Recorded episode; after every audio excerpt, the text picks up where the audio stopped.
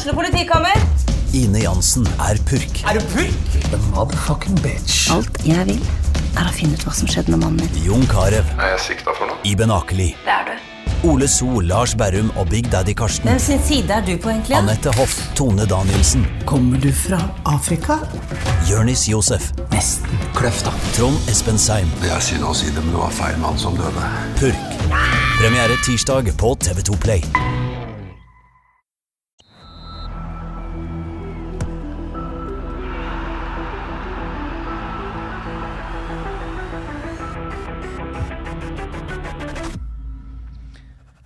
Hei og velkommen til episode 65 av Frelst. Mitt navn er Terje Flateby, og eh, ja, skal vi si at vi gjentar suksessen fra sist, Johannes Dahl Husebø? Ja, skal vi det? Altså oss to i studio, rett og slett. Det er på en måte Vi sier at det var suksess. Kan det gå bra? Ja, jeg tror det kan gå bra. Jeg tror det kan gå bra. Ja, men Tenk Eh, om det blir mye fjas og fantasy og alt det her, da. det, det, det, det Ja, ingen kommentar. Men uh, vi har fått en del tilbakemeldinger fra sist. eh, at, eh, at noen levde greit med litt fantasy. Det skal ikke bli mye fantasy. eh, knapt noe. Kanskje litt. Bitte litt. Helt, helt på slutten. Fjas kan det bli sånn jevnt over mellom her og der. OK. Hvis vi sier det sånn. Ja. Det er åpent for fjas. Folk likte litt fjas, tydeligvis. Gjorde det? Så det er bra.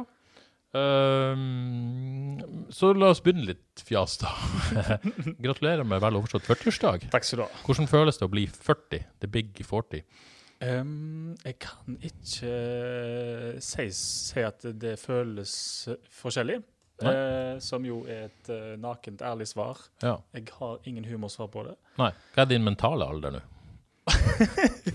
OK, så det deler seg i to. Ja. Uh, hjertet mitt er nok, har jeg òg fått høre, rundt 20. Rundt 20, ja. Men den åndelige alderen, Ja. det har vi under 60. Ah, ja. Så det er en miks mellom 20 og 60. Ja. Og hvis en tar 60 minus 20, så blir det 40. Så du er akkurat der du skal være. Ja. Det er godt å høre. Eh, men du har feira 40 helger. Jeg har også registrert at du har vært på den tradisjonelle Tour de France-festen. Den er vel i Sveio og sånt? Det stemmer. Ja, så, så det har vært ei eh, Skal vi si at det har vært ei røff helg, eller? Ja, det tror jeg var lov å si. Ja. Det, det, var en, eh, det var jo feiring eh, fra, fra Haugesund til Stavanger. Jeg beklager at jeg sier Stavanger her i podkasten. Ja, det er fy-fy, egentlig. Men det er greit. Men det er klart det var, en, eh, det var en røff busstur på vei hjem fra Stavanger til Haugesund eh, på lørdag før Tour de France-festen. Ja. Du hadde det gøy? Gøy hadde det. Og så var det sikkert ikke feil å avslutte helga med FK Tromsø, eller? Kan det, altså, det er jo en drømmehelg, da. Ja. Den er hard, det er opp og ned, det er mye gøy. Og så avslutter du på en sånn flott måte. Yes. Og denne uka begynner jo helt fantastisk med denne podden òg, for det er gode tider.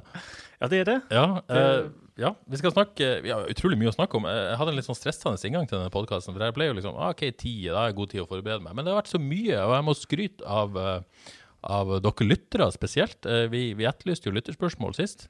Det har rent inn. Ja. Eh, så det er vi veldig glad for. Utrolig glad for. Tusen, tusen takk. Eh, og så var det jo sånn at vi stuntet en sånn konkurranse på slutten sist, Johannes, som, som absolutt ikke var planlagt. Nei, jeg, ser, jeg sitter her med en eh, frelst kopp for meg med masse sånne navnelapper oppi. Ja, fordi, fordi det, det, det vi plutselig fant på på slutten sist, det var at rett og slett alle som hadde orka å høre hele denne lange podkasten sist og alt fjaset på slutten, de skulle rett og slett gi beskjed og være med i trekninga av en kopp. Og veldig mange har hørt hele podkasten, veldig mange har gitt beskjed, og veldig mange har lyst på en kopp. Og ikke bare sa de det, men de skrøt masse òg. Så eh, ja, det er helt sjukt. Eh, Så veldig veldig hyggelig. Tusen takk til alle som har gjort det. Og nå skal vi rett og slett trekke en vinner. Nå har jeg skrevet så på stygt at du må sikkert trekke en lapp, og så må du gi den til meg etterpå, sånn at jeg kan faktisk lese hva som står det. Det er en, eh, ja, noen kjente navn, noen ukjente navn. Alle har altså hørt på hele forrige episode. Så det er vi veldig glad for. Er ikke det en eh, korrekt trekkemåte òg, at liksom jeg skal riste litt igjen?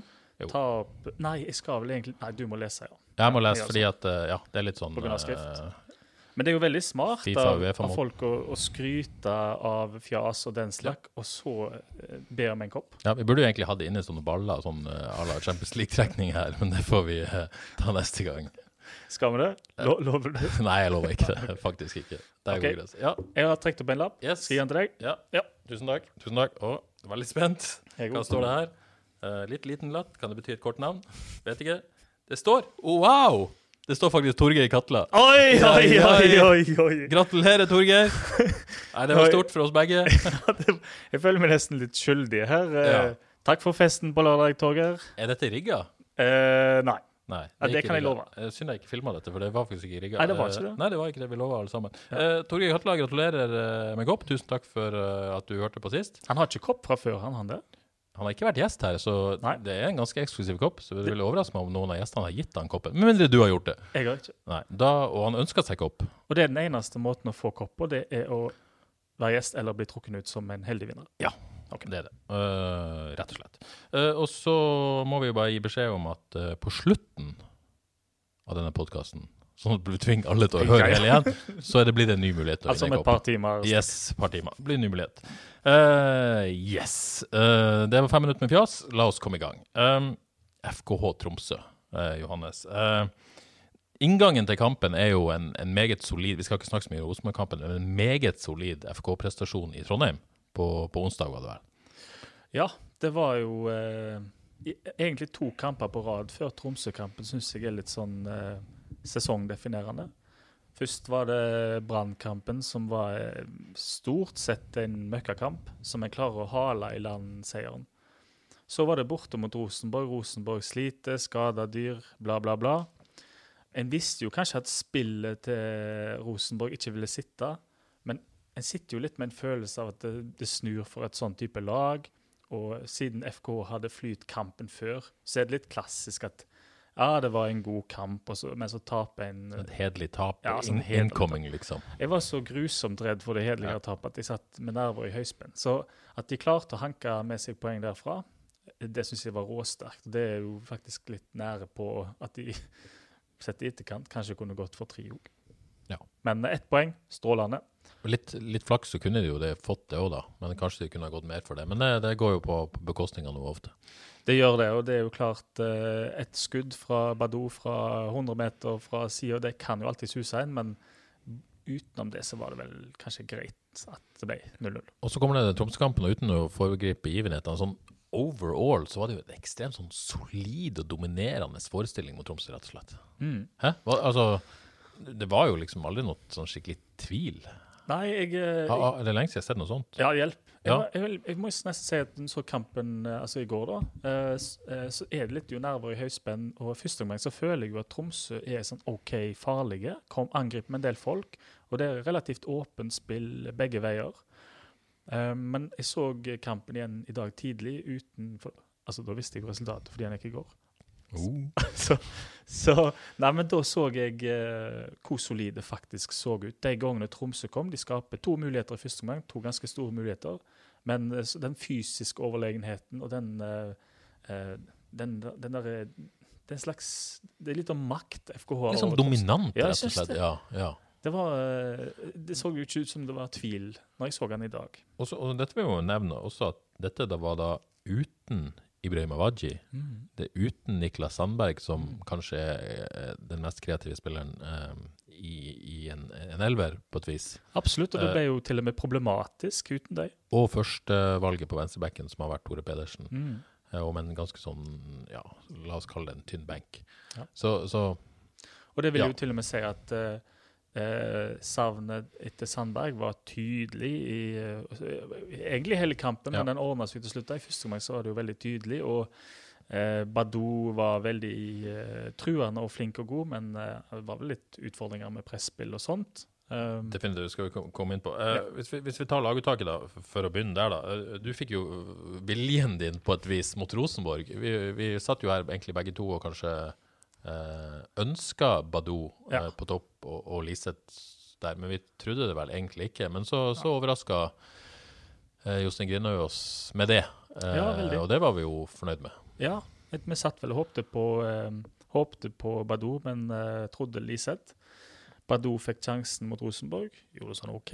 Jeg går, jeg syns han var Det er veldig fint å ha en så rask arbeid som spiss som, som Jeg vet ikke hvor mange spurter han leverer i løpet av en kamp, og, men i løpet av den første omgangen så kan det ikke ha vært få, iallfall.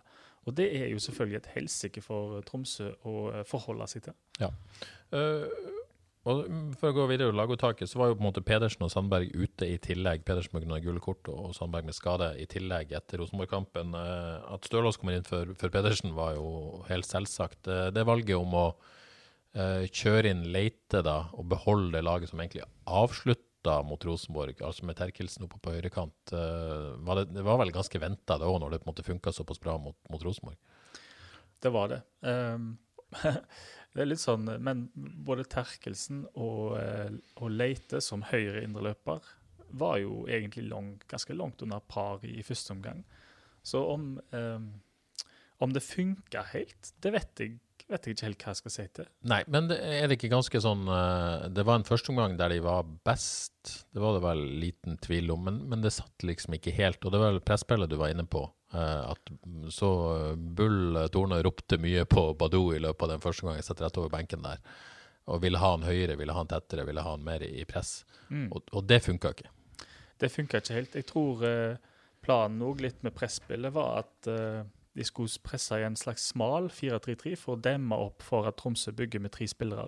Det tror jeg fungerte eh, ganske bra. Um, men spissen vår, Badou, eh, han hang vel kanskje ikke helt med på planen da, at han skulle, ja, han skulle komme seg høyere, først og fremst da, i presset. Ja, I tillegg så, så vil jeg jo si at mm, og Det gjelder kanskje ikke presset, da, men Terkelsen kommer ikke helt til sin rett Nei. som høyrekant. Det ble jo en sånn uh, Mikkel Desler uh, høyredominant side, og det er ingenting galt med det. Han er jo fantastisk uh, om dagen, men, men du så jo knapt noe til Terkelsen. Ja, nei, han, eh, det, det, det satt ikke helt til det. Og det, det er jo løye å se etterpå på som høyre indreløper. Det som det, det går ikke. det. Nei. Det, det, Han må være venstre. Ikke sant.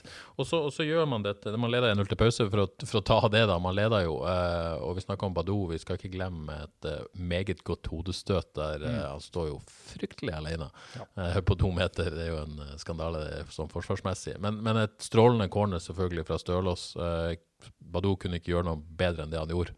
Viste fram hodestyrken sin og, og dunka den inn.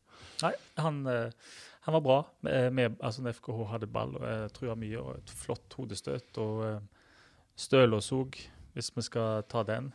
Altså, han kom jo inn og gjør en kjempekamp. i grunnen. Um, så kreativ med ball, så løsningsorientert, så virka så offensiv i hodet. og Jeg synes starta litt nervøst, faktisk. For jeg hadde han rett foran meg. Litt Ja, par pasningsfeil og et par sånn eh, tekniske sånn dempinger som ikke satt, og sånt. Og så bare klarte han å riste av seg. da. Det var et sånn par stykker i åpningsminuttene der. Okay. Så jeg var litt nervøs i begynnelsen der, men så, så heva han seg med en gang. Det var Jeg deilig å se. Da så jeg meg helt blind på det. Jo, men du, jeg vet ikke hvor du satt henne. Satt, var på kampen? Nei, jeg var ikke på kampen. Nei, det er ikke sikkert man la merke til det på TV engang, men jeg la sånn ganske godt merke til det. Jeg satt som, ja. rett foran pressetribunen. Ja. Det er sånn du ikke ser hvis det er på motsatt, Nei, eksempel. sant. Ikke sant? Men iallfall utover eh, i omgangen så virker jeg iallfall å ha rista av seg det. Ja, ja, ja, ja. Det og- tok bare fem minutter, så var det borte. Nei, han, eh, det var veldig kjekt å se, fordi Og det har jo vært litt diskusjon på eh, Twitter og mellom folk, og jeg får iallfall høre det en del at uh, han, eh, han bør få sjansen på venstre back. og uh, en kan jo ikke si noen ting annet enn at uh, folk har talt, folk hadde rett. Vi kommer faktisk litt tilbake til Stølås Pedersen-debatten. Den er jo en evig Vi kommer litt tilbake til den. Men, men så går det inn til pause med 1-0 der, og så, og så tar jo, tar jo trenerteamet grep. grep. Det er vel Og det, det samme var vel etterpå at det var presspillet som, som gjorde at man Man fikk ikke satt det skikkelig med Badou på topp. Eh, Man flytta Liseth opp, flytta Badou på høyrekant.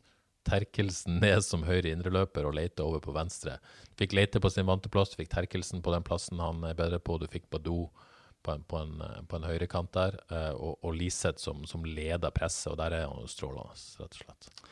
Absolutt. Liseth eh, som indreløper, Liseth som spiss, Liseth hvor som helst. For en spiller, da. Ja. Kjempe, kjempe, nok en kjempekamp uh, for nytt mål, så han Nei, du verden. Uh, og det fine var jo for så vidt at uh, Liseth, ingen forskjell, god i begge roller. Uh, Leite som venstre indreløper løfter seg jo mange hakk, og det gjør Terkelog som høyre indreløper. Ja. Badou, uh, jeg mener han eh, Selv om altså, presspillet skal nok komme, men for meg er han spiss. På den høyrekanten det fant han ikke ut av. Nei, han forsvant uh, Han nesten forsvant ut av helt. kampen, faktisk, Ja, helt. vil jeg si. Uh, Det blir jo spennende, det skal vi komme tilbake til òg, men hva, hva de gjør mot Mjøndalen, da, selvfølgelig. Men, men helt klart, den, den endringa der, den, den gjorde kampen. De var jo enda bedre og mer dominante i andre omgang Mm. enn enn i første. Ja, det var jo full kontroll. Var Ja, det var full, full kontroll. Det var det. det kan nesten si at en fikk eh, altså to spillere i gang og mista én. Og to minus én, det blir én. Så det er pluss én. Ja. Så kommer jo 2-0, da. Eh, Presisjert på venstresida, og Stølås slipper til Velde. Velde bare drar seg forbi, og, og et ferdigskåra legg til, til Terkelsen, som er i boks. Ja. Eh, det er ikke vi vant til alltid å se av FK sine midtbanespillere, men han er der. og på en måte, Det er jo en ting vi har snakka om, at vi vil faen i boks, enten det er med hodet eller med beina, hva det er, men han tar det løpet. Og Det er jo sånn godt å se. Og perfekt selvfølgelig forarbeid av Stølås Velde. Var det, men var det, var det skudd eller legg? Og jeg har aldri tenkt på at det var skudd, faktisk. Du tror Ja, OK. Ja. Nei, det var Vi går for legg. Gå for legg. Skal vi gå for legg? Jeg vil gå for legg. Gå for legg. Ja. Nei, men det var, det var deilig. Vi har jo for så vidt savna Terkel litt òg. Kommer Ja, en sånn ja. inn i boksen på den måten. Så det var, var deilig å se. Da er han i gang òg. Ja, og så kommer jo dette, dette 3-0-målet også som et eh, resultat av, av presspillet, egentlig. Ah, fantastisk. Og det er, jo, eh, det er jo gøy å høre eh, Det kommer vi sikkert tilbake til òg, men eh, Tidemann etter kampen Vi kan ta det nå, faktisk. Ja, Ja. Bare kjør på. Nei, Tidemann etter kampen i intervjuet med, med Discovery, eller, så, så løfter han jo fram Bull, Ja. um, som har vært uh, så tydelige, og, og jeg vet at de jobber mye med disse uh, avtalene spillerne seg imellom. De jobber mye med grunnstrukturen, og kan nesten se hvordan brikkene faller på plass nå. Så det er klart, når eh, Tidemann løfter det fram i intervjuet etter kampen og leser aviser i dag, så er det jo fordi de har lyst til å rose en mann som har kommet inn og bare eh, blomstra fra dag én. Ja. Eh, og det vil nesten si at eh, når han fikk jobben, så vil jo jeg si at jeg og sikkert flere av meg var litt sånn usikre, for du vet jo ikke helt hva du får. Han kom fra, eh, fra trener på rekklag der. Hva står han for? Har vært i klubben lenge. Blir dette noe da? Er det den friske impulsen som en kanskje trenger å håpe på fra en ny trener? Og så er det bare uh, musikk fra dagen. Vi har jo sett han på trening, hvordan han, uh, han uh, styrer og leder treninga, hvordan, hvordan han vil ha det. Så for en mann. Ja, og som du sier, Liseth er også inne på det i, i intervjuet med, med Haugesunds Avis. Eh, sier at, Kang sier Espen Bull Tornø og trenerteamet må få eh, honnør for den analysen de har gjort, og, og det tredje målet var på en måte et resultat av det. Ja, jeg tror vel eh, Jeg vet iallfall at eh, Øyvind Humpland, da, som er i eh, ungdomsavdelingen der, han har vel jobb med å analysere motstandere. Eh, om han gjør det alene eller med flere, det vet jeg ikke, men har iallfall truffet midt i med Tromsø. Ja, Og 3-0-målet, Terkelsen gjør jobben der, slipper til Liseth, eh, og det var jo ikke en, en spiss som er dårlig foran mål vi så der. Nei. Han bare la han perfekt iskaldt i hjørnet. Likna litt den avslutningen så den mot Lillestrøm. Ja. Sånn fin vri mot venstre side der. Så ja, mer av det, Sondre Liseth, rett og slett. Det òg. Ja takk. Ja, ikke sant. Men han, nå er det jo Hvor skal han spille nå, da? Ja, nei, det, det, det kommer vi tilbake til. Hvor skal han spille nå? Um, og, så, og så kommer vi jo ikke unna dette med at, at eh, ja, det er en del gode prestasjoner framover, gode presspillet i andre omgang og sånn og sånn, men bakover da, Johannes. Uh, nå har man altså hatt fire smultringer på rad. Uh, man har hatt seks av ni kamper uh, i Eliteserien i år. Eh, uten å ha sluppet inn mål. Uh, vunnet de fire siste på Haugesund stadion. Ubeseira i år. Starta med 0-0 mot Stabæk. Helt utrolig når man tenker på det, hvordan den, den utviklinga til de lagene har vært, at man ikke klarte å ta den. Eh, ja, det er et meget solid FK-lag vi ser akkurat nå. Som, Ja. som jeg tror som på en måte funnet den balansen man leter etter tidlig i sesongen. med, liksom har snakka mye om hvor skal du plassere Lise, 4-2-3-1, 4-3-3. Ja, hvor skal man være? Men nå har man på en måte funnet det. Ja. Jeg fikk en, eh, en Twitter-melding fra eh, Jonas Berg Johnsen i Eurosport hva som skjer med, med, med FKH defensivt. og Han la jo merke til at Tidemann skrøt av Bull Torne og hva de har gjort og sånt. Men jeg vet jo at de har jobba mye med avtalene keeper og, eh, og de som ligger i blokka. Hvem som skal ha ball, hvor en skal være og den slags. De ligger jo i ei 2-2-blokk bak ballen. Om det er to stoppere pluss en sekser, eller om det er to stoppere pluss eh, back, indreløper. Eh, det, det vil variere hvor en, eh, hvor en setter angrepet, men, eh, men jeg tror en kan tydelig se da at den grunnstrukturen i FKH den, den, den er bare på plass, ser det ut som nå. Og så hjelper det selvfølgelig at spillerne eh, kjenner hverandre godt, og det gjør de jo nå. Den kontinuiteten man snakka om Ja. før sesongen, som man trodde kom til å bli et pluss, er i ferd med å bli det. Ja, det syns jeg. Ja. Sant? Og så har en eh, fått inn eh, En må jo bare løfte han fram eh, igjen.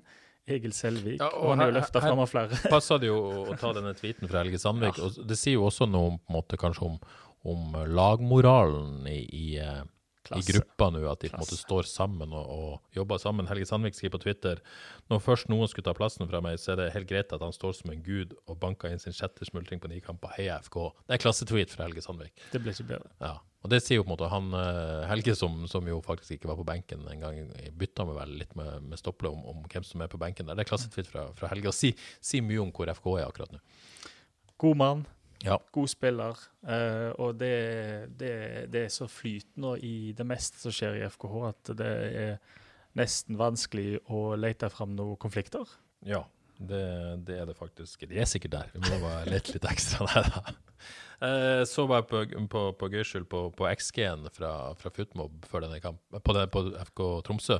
3,54 til FK, det er høyt. Å, hei sann. Ja, det er høyt. Ja. Eh, og og 0,48 til Tromsø. Ok. Så det sier jo på en måte ut fra, ut fra den, så kunne man jo skåra enda mer, faktisk. Eh, Mm. ja.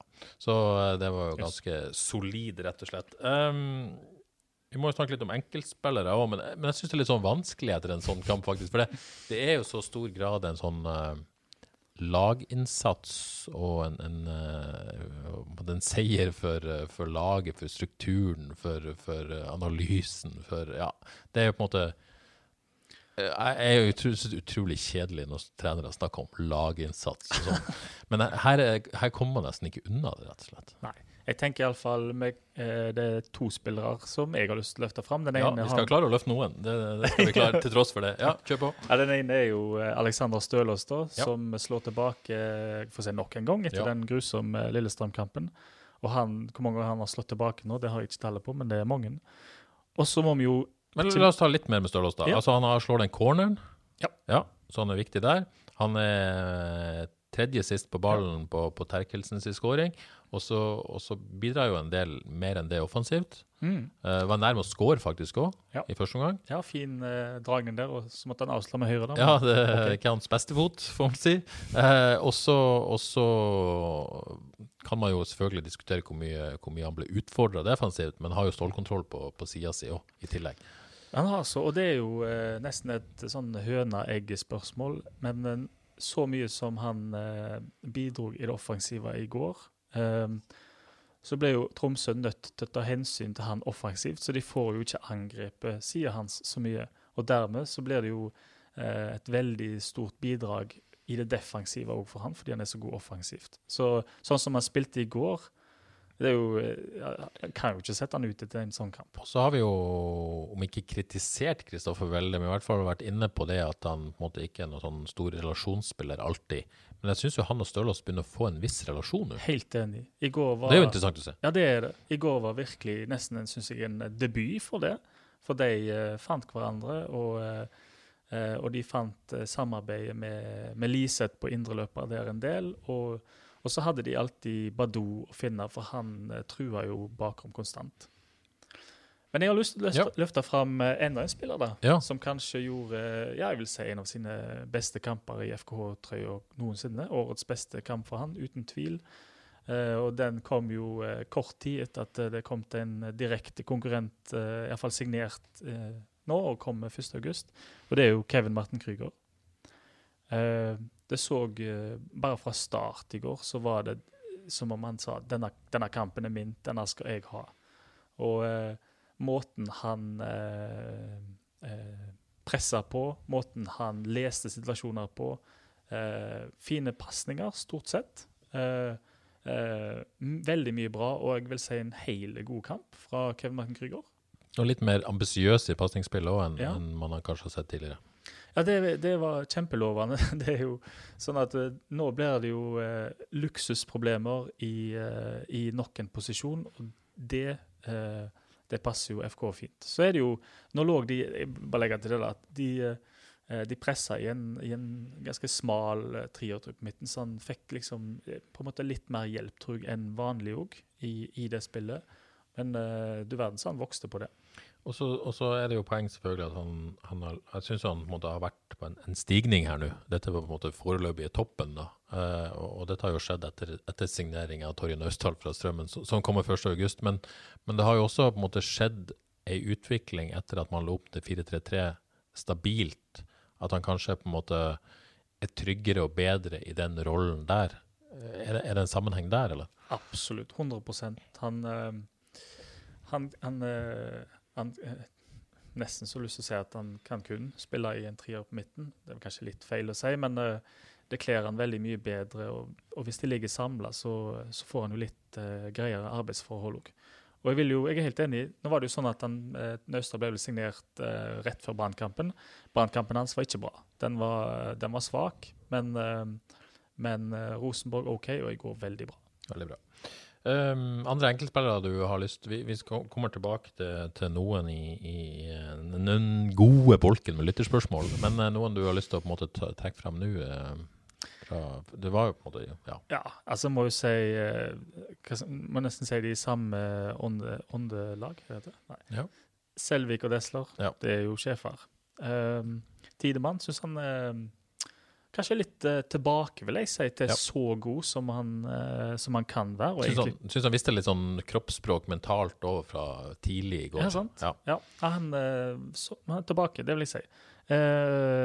hvis vi skal, skal være litt uh, kritisk, da, så vil jeg jo si at og, altså, Ulrik Fredriksen slipper helt fint fra det. Det er en helt OK kamp. Men han får litt hetta på godt haugalandsk, vil jeg tro det.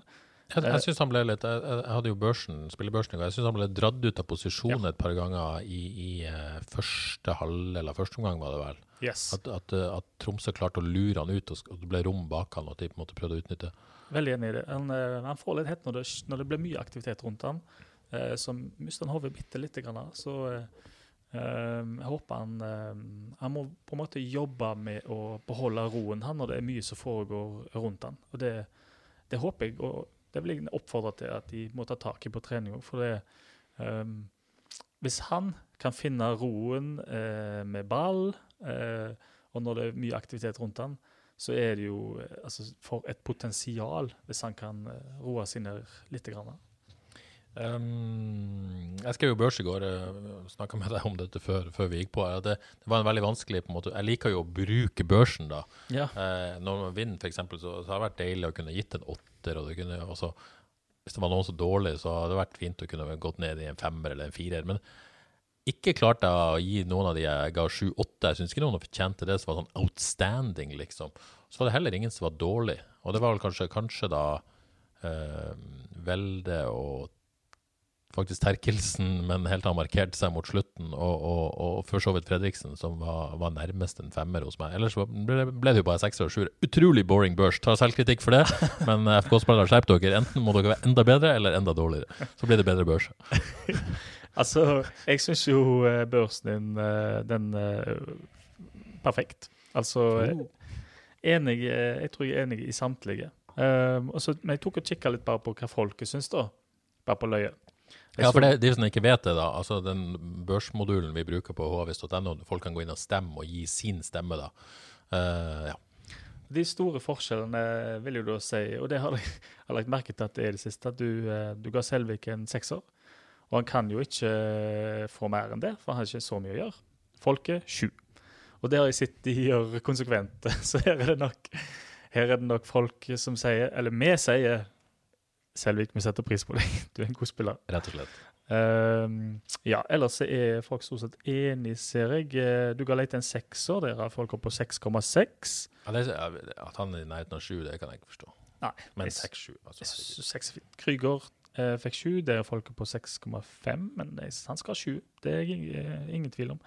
Liseth, hvis noen skulle fått en åtter, så tenker jeg at det er Liseth. Fordi Eller når jeg så kampen uh, live i går, og uh, den første omgangen, så tenkte jeg ikke så mye over det. Jeg la ikke så mye merke til det, men når jeg så han i dag med skuldrene lave, den jobben han gjør, og hvordan han uh, vender opp gang på gang og kommer seg ut av stasjoner, det er imponerende. Men sju fint, det òg, da. Ja. Den ene, den, den det er jo veldig, da. Der ga du seks, og der er folket på 5,1. Så der er de litt lave. Altså Grunnen til at jeg gir Velde seks, det er den assisten. Uten den så har han vært sjanseløs på å få seks, men, Ja. men så gjør han jo også en, en, en meget solid jobb, som også Jostein Grindhaug var inne på postmatch, defensivt. Som ikke på en måte Alltid snakk om offensive bidrag når det gjelder kantspillere, og, og folk legger ikke så mye merke til det defensive, men han gjør, i likhet med mange andre, meget solid jobb der. Og så syns jeg det er en sånn Kristoffer Welde som ikke bare har en dårlig kamp og melder seg ut, men han, selv om han ikke lykkes, så prøver og prøver og prøver. Han vil, han vil, han vil. Og når han ikke får det til, så blir han irritert på seg sjøl, som, som vi ser, men, men han prøver i hvert fall. Og, Ja, jeg- og, og, og i sum så, så syns jeg det var veldig strengt å gi han fem etter 3-0 mot Tromsø. Jeg syns det er en klar sekser, jeg. Eh, og det ene er jo assisten og hvordan han jobber og hvordan han prøver, men eh, en liten ting til er jo som vi snakket om med Stølås. Stølås eh, spiller fint med og det er fordi eh, Velde tar han med i kampen òg, sant. Så nei, Velde skal ha en sekser, det, det, er ingen, det er jeg ikke usikker på i det hele tatt. Før, før vi går litt på konsekvenser av tabell og sånn uh, her, Johannes, må vi jo nevne at uh, en 16-årig debutant for FK i går uh, Det var jo litt sånn, med all respekt for de som var der, litt sånn tynn benk. Og det, da tenker jeg ikke på de som satt der, egentlig, men det er rett og slett antallet med, med Pedersen ute, Wadji ute, Sandberg ute og Andreas Endresen var syk i tillegg. Så klarte de ikke å fylle opp benken, faktisk. Eh, men, men Mathias Joland eh, kom innpå et par minutter før slutt, var der, fikk sin eh, debut. Eh, 16-åring fra Vea. Det er gøy. Fantastisk kjekt. Ja. Det er jo eh, det, er jo det en har lyst til å se. Ja. Å se eh, lokale spillere få sjansen. Og jeg skal bare innrømme en gang, jeg kjenner ikke til Mathias Kjoland spesielt godt, men jeg så på Twitter etterpå, så var, var Øyvind Humpeland ute og sa han fikk frysninger på ryggen. Dette er en gutt som, som ikke har vært noe stjerne, liksom. Ikke vært noe barnestjerne, men jobba beinhardt og masse egentrening, og, og får en sånn belønning. Det er jo en, eh, en fin historie, rett og slett. Det er sånne historier vi elsker. Så ja. Så tror jeg folk kan få lese mer om Mathias Kjoland i Haugesunds Avis om ikke så veldig mange Oi, dager, for å si det sånn. Vi må, vi må finne ut av dette. Mm. Ja. Så er det nevnt også. Um, tabellen, Johannes. Uh, FK er altså Til tross for alt dette, så ligger de jo bare på niendeplass, uh, på et vis. jeg ble Eh, nesten sjokka. ikke sant? Du liksom begynner å se på tabellen. Ok, nå har du på en måte gjort det så bra, så er det fortsatt ikke klatra. Men, men det er jo veldig vanskelig å på en måte se på tabellen eh, så ujevn som man er. Men, men, men, for den lyger jo litt. Men man er bare fem poeng bak Vålerenga og tre kamp mindre spilt, faktisk. Vålerenga på bronseplass. Mm. Så ser jeg rundt også. Lillestrøm har like mange kamper som, som FK. Et poeng er over. Kristiansund ligger jo der oppe og har ikke noe særlig flere kamper. Odd liksom lurker i området rundt. Så det er mange av disse eh, utestengte lagene faktisk, som begynte tregt, som virkelig liksom har fått fart, mot som har få kamper, og som gjør det ganske bra nå. Så ligger sånn lurka midt på tabellen rundt FKH der, og som er egentlig litt samme posisjon, da.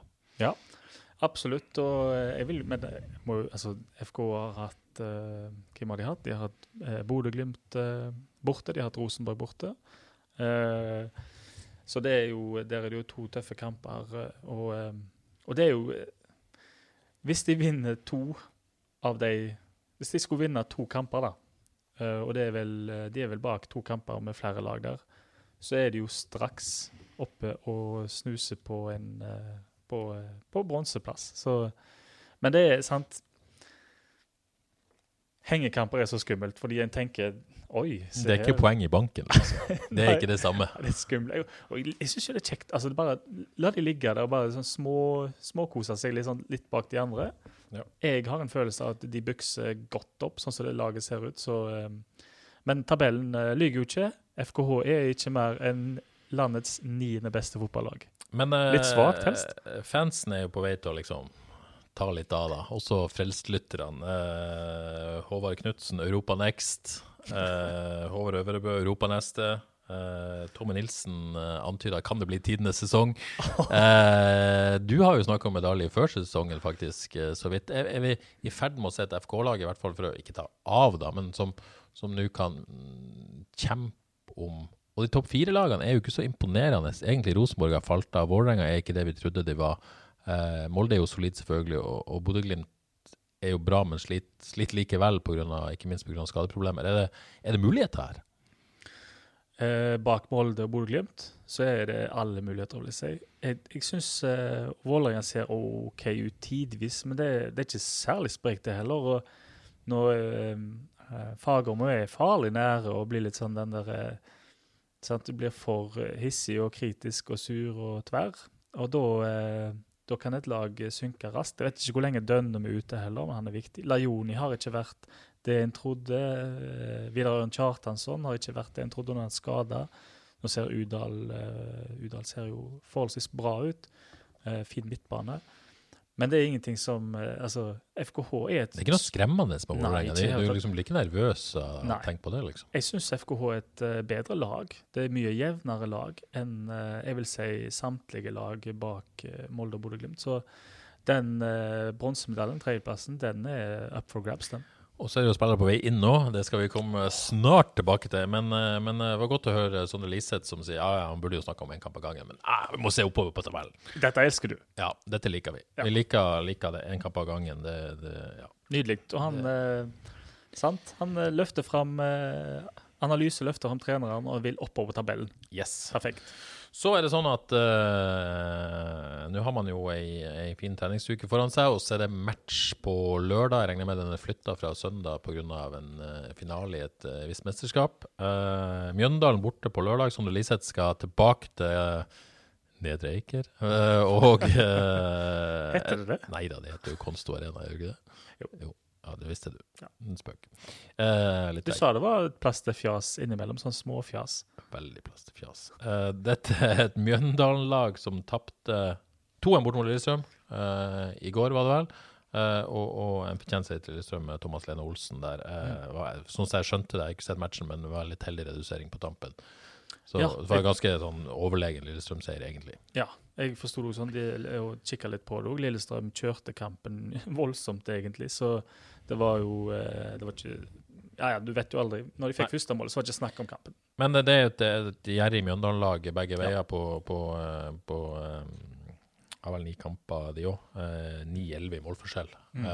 Skåra ett i snitt hver eh, kamp og slipper inn litt over ett i snitt i hver kamp. Så, så det, de er gjerrig begge veier. Men FK kan vel få et lite favorittstempel for denne kampen, kan de ikke det? Det, det må de få. Altså eh, Lag mot lag så er FKH et, et mye mer solid lag. De er et langt sterkere lag. Det må det ikke være noen tvil om. Eh, og ikke nok med det, de har matchvinnere i laget, FKH. Mjøndalen har ikke all verdens med disse matchvinnerne. Du har eh, eh, Ibrahim. Ibrahim er der. Han skårer jo ikke så mye mål. Og så har du han Stokke som ikke helt kommet i gang. Du har en Ovenstad på venstre side der som gjør et og annet av og til. Så har du han der eh, Tony Brochmann òg er vel Tony eh, Brochmann, men ja. han er en del ut av laget og Ja. bytta ut og sånn. Nesten den farligste jeg vil si, og der har jo FKH slitt litt, er jo disse dødballene. Så det jeg frykter, er jo en corner, og så kommer han der eh, Sondre Solholm Johansen og skal inn en, Ja. en skåring, så vinner de 1-0. Men eh, spiller for spiller, lag for lag, eh, matchvinnere, så eh, er FKH et vil si nesten langt sterkere lag. Og det er farlig. Og så er, det jo, så er det jo tidlig egentlig å begynne å snakke om det, men vi må jo gjøre det likevel. Det blir veldig spennende å se hva man gjør med laget, eh, faktisk, eh, inn mot Mjøndalen. For det virker litt åpent. Altså, eh, sånn som jeg forstår det, så var så vidt på Haugebane i forrige uke, så vi må jo få sjekka opp i det. Men jeg tror i utgangspunktet Mjøndalen kom for tidlig for han. Mm. Eh, Sandberg eh, er også uavklart. Eh, Men mistenker at kanskje det kommer for tidlig for han også. Det var jo ikke noe brudd, heldigvis, for, for Niklas. Men, men spørs om han klarer å komme seg på beina til, til Mjøndalen. Så hvis vi på en måte tar utgangspunkt at de to fortsatt er ute, Tore Pedersen tilbake eh, Man starta med ett lag mot, eh, mot eh, Tromsø. Avslutta, ikke avslutta, da, men la om i pausen til et lag som fungerte bedre. I hvert fall i den kampen. Så hva gjør man da mot Mjøndalen? Nei, den er, den er veldig tøff, egentlig. Um, jeg tenker jo, og ikke nok med det, jeg tenker jo hvis de eh, Mjøndalen eh, får det ikke til å sitte for tida, og jeg tenker at de kommer til å satse mye på dødballer, og cornerer og innkast og whatever. Og hvem er det de vil ha i egen boks da? Jo, det er jo Palle. Du vil jo se han stonge vekk eh, det som kommer. Så bare der vil jeg si det er en, en utfordring som skal løses, og jeg vil jo faktisk godt for Palle i den kampen. Um, vet ikke om vi skal ta opp hans situasjon. Den, Den kommer. Den kommer. Den kommer ja. ja. Mm. Um, men den høyrekanten, ja, den er veldig vanskelig å løse. Fordi uh, jeg tenker jo at uh, å ha Liseth framme som uh, spiss mot et lag han spilte for, det syns jeg er en god tanke. Og han skåra sist, og han var bra altså han var bra i begge posisjoner, men du vet spillere mot lag de har spilt for. Da lukter det mål, og da er det fint å ha en nærmest mulig mål. Men er det litt sånn eh, Igjen, det handler om kampbildet, det handler om eh, kampinngang, det handler om analysen de gjør av Mjøndalen, hvordan de skal angripe de, hvordan de skal forsvare seg mot de. De velger på en måte det, det lag som passer best i forhold til det, da. Eh, altså med å ha Liseth på topp og Badou på topp, selv om Badou eventuelt er på høyrekant, det gir jo på en måte to forskjellige ja, det er to forskjellige utgangspunkter på et vis. Ja, det gjør det. Men jeg tenker Selv om Badou kan være bakromstrøssel fra høyre òg, selvfølgelig. mm, Spørs vel om det er så mye bakrom for uh, Badou finner. Ikke sant? Så uh, jeg tenker og Liseth er så lur i spill at om han ligger og er nesten litt uh, falsk nier til tider og kommer ned og hjelper midtbanen og, må, og, og prøver å lure seg framover når han kan. Og så har du, uh, hvis venstrebekken da, til Mjøndalen prøver seg, og det kan jo være en offensiv venstrebekk de har der, så har du jo Badou å bruke eh, bak han på sida der. Akkurat stopp, Jeg tror laget legger seg lavt, og stoppene legger seg forholdsvis lavt. Så nei, jeg ville kjørt, eh, og det tror jeg vel de gjør òg. Ja, ja. Rett og slett laget som starter andre omgang, da. Ja, med Men Tore Pedersen, da? ja, den, er, oh, den er tøff. De kom jo med De kom jo kanskje med Brustad kan gjøre, eller de kom kanskje med han ja, På høyrekanten, tenkte du på. Ja. Mm. Og han er jo bra rask, men han ja, skåra sist òg, så um, det kan være ah, Den er så vanskelig, vet du. Ja. Den er fryktelig. Det er litt sånn synd og vrak Alexander Stølås Ja, etter den matchen der, mot et lag som en kamp der de forventa å dominere, være det, det laget som har ballen mest, og ikke noe sånn super og Ja, Brustad har skåra sist og, og er jo hurtig, liksom, men, men om Fredrik Brustad er nok til å vrake Alexander Stølås Nei, nei, vet du Nei, når du Skal vi ikke Men, men jeg syns den er supervanskelig sjøl, fordi Ja, at for Tore Pedersen fortjener jo også på et vis Han har jo absolutt ikke spilt seg ut av dette laget. Bunnsolid hver eneste gang, nesten. Har kledd av høyrekant etter høyrekant. Yes, yes. Uh, men kan man Jeg tror ikke dette skjer, da, men, men man leter jo litt etter livet etter leite. Mm. I den situasjonen her mot Mjøndalen, uh, leite eh, var ikke outstanding mot Tromsø. Nei.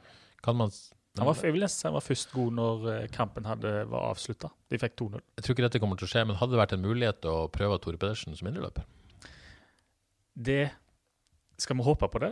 Ja, altså, Jeg liker tanken. Hør du, Bull og Johs? La la oss gå for dette. Nei, jeg, tror, jeg tror ikke dette kommer til å skje, men, men det hadde vært interessant å se, fordi at uh, når Leite forsvinner, så, så, så er det jo på en måte Da har du Liseth og Terkelsen, og så, så har du Gunnarsjø og Sander Bakmann. Og de er på jakt etter midtbanespillere. Men det er liksom ja, det er den, den lagdelen der man kanskje ser etter forsterkninger. da. Men det har vært gøy å se Tore i den rollen, og, og hvorfor ikke bortom Mjøndalen? Syns var, jeg syns det er en knall knallidé. Uh, A. Stølås må få fornya tillit til en sånn kamp. Skal vi si det sånt? Altså, det Du kan ikke Så mye som han kan gjøre offensivt, så må de jo streve med å stanse han og Velde på den sida. Eh, så han håper jeg virkelig får fortsette. Eh, de må ta sjansen på det. Gi han sjansen nå. Nå Han må få reise seg etter den Lillestrøm-kampen. Så det er ikke sånn at Bruno spilte seg ut på noe som helst vis, Nei, men, han men han, har, han har på en måte valgt å forstå det valget, at han skal, skal til Kypros og ha kontrakt ut juli. Eh, Ja. og så, så skal man ikke ta noe for gitt til Mjøndalen, eh, men, men jeg, jeg ser ikke den store risikoen med å prøve Tore der. Nei. Og dessuten var ikke Jeg syns Leite først var egentlig god når FKH gikk opp i 2-0. Ja. Uh, og så syns jeg ikke han var bra når han kom inn eh, på Lerkendal heller. Så han uh, Han er ikke helt i siget, og det Tor eh, P. Så, så det syns jeg er en fin idé. Og da kan du jo nesten Da fortsetter de nesten på samme måten. Eh, Da blir det jo en av spørsmål for meg, dette er jo i håps eh, vi må understreke, vi tror, jeg tror egentlig ikke dette kommer til å skje, for det liksom, han har vært venstreback, punktum. Hvis du skal gjette, dette, Ja, hvem tror du? Hvor stort laget blir? jeg tror Tore begynner på benken. Tror du? Ja, jeg, faktisk, men, eh, men aner jo ikke, selvfølgelig. Fredriksen eh, fortsetter? Vanskelig. Ja. Altså Palle, jeg tenker at eh, det at Palle fikk ti minutter i går for Det er jo ikke noe normalt å bytte en stopper der. så Det er ikke som Fredriksen var sliten. Jo, ok, Nå spilte han på en måte onsdag, søndag, eh, men det er ikke noe altså, vanlig bytte å gjøre. Kanskje var det et signal Vi kommer mer tilbake til dette, men et signal til Palla at vi ser deg, du er her, eh, vi setter pris på deg. selv om du, For det, for det virker nesten som Fredriksen har vunnet den stopperduellen nå. Mm. Men et signal og, og en slags livbøye til, til Palle. Eller at det rett og slett kan være ok, nå skal han få en ti minutter fordi han skal starte mot Mjøndalen neste helg. Mm. Vi vet ikke. Nei, men jeg, sy- eh, og det, jeg tror det kan stemme godt, jeg. Og eh, Fredriksen var ikke bedre enn at uh, Han er ikke umulig å sette ut etter det. Nei. Jeg synes ikke det. Og så tenker jeg på alle disse her dødballene, da, som sagt, Mjøndalen, alt som kommer der. Da har du ikke lyst til å se Palle stonge det der vaset vekk. Men på en annen side, Fredriksen har vært god. Eh, dette er et forsvar vi snakker om som ikke har sluppet inn mål på fire kamper. Hvorfor i all verden skal man bytte stopper, egentlig? Nei, det, Så ja. den er vanskelig. Men eh, et mer utprega dødballag enn det jeg tror Mjøndalen vil være nå, nå som de sliter òg, det tror jeg vel knapt vi kan få se. Og da har du jo han har, jo- Palle har X-faktoren. Rett og slett. X-faktor. En kamp for Palle.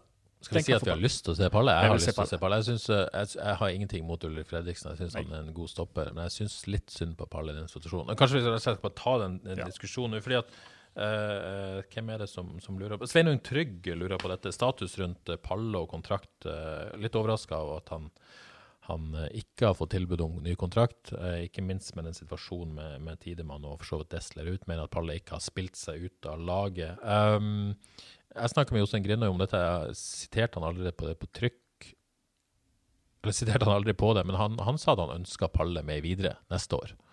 Uh, Han sa det, ja. ja, det sa han. Um, ja men så, så den, den situasjonen har liksom ikke Litt overraska over at man, man eh, en solid eliteseriestopper.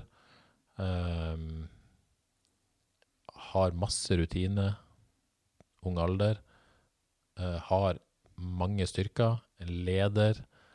Profil, vil jeg si. Liker Palle veldig godt som, som type. Eh, så har han jo noen svakheter, og de ønsker han å bli bedre på å si at han vil spille de kampene også som ikke passer seg for å faktisk utvikle seg. Han er på en måte, han, han, jeg tror han vet det sjøl òg. Så at han på en måte ikke skal være Da må det være et økonomisk spørsmål.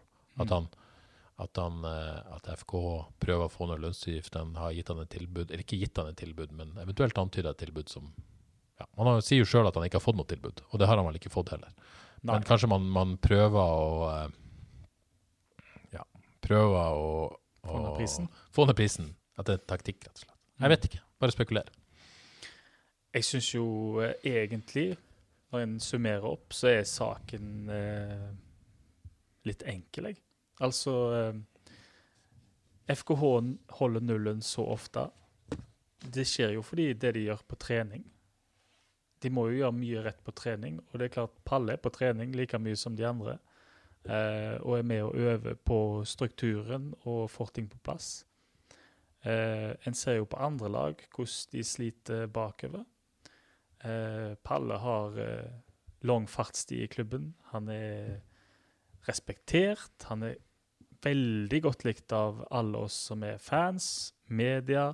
Eh, og han har en X-faktor som kan brukes i, eh, i mange kamper. og Stadig ung og villig til å lære og, eh, og, eh, og kan utvikle seg, som du sier. Så, og ikke minst, det er jo mange som kunne funnet på i den stasjonen som han er i, og jeg vil vel gjette på at han er litt skuffa, såra over eh, eh, kanskje en, eh, en mangel på dialog rundt situasjonen her. Um, så kunne han jo fint vært og eh, snakket ut om det eh, i media, men han eh, velger å ikke gjøre det. Eh, nå spekulerer jeg. Ja, for jeg, jeg syns det begynner å nærme seg en situasjon der jeg egentlig ikke skjønner Altså, med Tidemann ut, da, og, og så vet vi fortsatt ikke om dette Palle Fredriksen-stopperparet fungerer eller ikke. Eh, Det, det er på en måte lett å si at de ikke kommer til å gjøre det, men det, det vet vi jo ikke. Men, men uavhengig av det, da, så, så må man jo gå inn i en sesong med i hvert fall tre stoppere, hvis vi tenker 2022-sesongen. Og, og med mindre de Det er nesten så man kan tenke seg at eh, grunnen til at de ikke har gitt Palle et tilbud, er at de fortsatt håper at Tidemann blir. Ja. ja, det er nesten så man kan tro det. For hvis de vet at Tidemann forsvinner, så syns jeg det er veldig rart at de ikke signerer Palle på en ny kontrakt. Mm. Um, fordi da har de i hvert fall de to, som kan i hvert fall være konkurrenter mot hverandre. Så kanskje må de ha én til. Så vil de sannsynligvis hente inn en mer spillende stopper. Mm. Eh, Så er det i hvert fall tre. Da har på en måte, den situasjonen som er nå, hvis Palle forsvinner, Tidemann forsvinner, så må man ut og hente to stoppere. Mm. Og gjerne betale penger for det òg. Altså, det vet man jo aldri. Man, det er jo masse muligheter. Men, men du ser, man, man går ut og henter penger. Eh, Kjøpsspillere òg. Ja, de Eh, Så, så, ja. Den, men, men, men det er nesten som en situasjon der jeg syns det er opplagt at FKH bør tilby han en kontrakt. Men jeg er ikke så sikker på Bør Palle det? Vil han det? Føler, hvordan føler han seg behandla nå? Er han redd for lite spilletid hvis han oppmåles opp mot Fredriksen? Eh, er det bedre for karrieren hans å faktisk dra? Ja. Eh, så, så vet jeg også at han har etablert seg her i byen og, og har det fint. Altså, fotballspillere er jo mennesker, det jo. Ja, de er så eh, Og jeg, eh, jeg syns jo det er et uh, godt poeng. Og jeg, eh, jeg får lyst på deg. jeg. Hva hva- hvordan er din magefølelse på uh, Tidemann? Har du en magefølelse? Uh, nei, Magefølelsen er at han forsvinner, Ja. fordi at han er, er såpass bra etablert Så Jeg tipper han kan få et, en, en bedre kontrakt Mm. enn det FK kan tilby han i Danmark. Jeg vil jo tro at stjerna hans altså, har jo steget. Han Mm. kom vel til FKH som reserve i dansk superliga. Eh, Jeg vil jo tro at han eh, har vist nok her til at han, en klubb i superligaen i hvert fall, i Danmark vil satse på han som førstevalg som stopper. Mm. Altså, Du kjenner dansk fotball bedre enn meg, men, men han er jo så god. Ja. ja er Så, sånn at, at, at, at og, og det lønnsnivået i Superligaen blant mange klubber er vel høyere enn det FK kan, kan tilby. Så, og pluss hjem, bla, bla, bla. Men i motsatt så har han etablert seg, han òg. Hus i Sveio. Alle liker seg i Sveio, gjør de ikke det? Åh, kan det bli bedre? Ja, ikke sant? Så, så, ja, men, men magefølelsen er at han hvis han kan få en bedre kontrakt. Mm. Og Desler er helt solklart det samme. Desler forsvinner. Det er vi vel Ja. nesten Men sikre eh, på. Tidemann mindre sjanse enn enn Desler. Eller større sjanse for å bli, men, men eh, jeg Ja. tror egentlig ingen av de blir. Nei.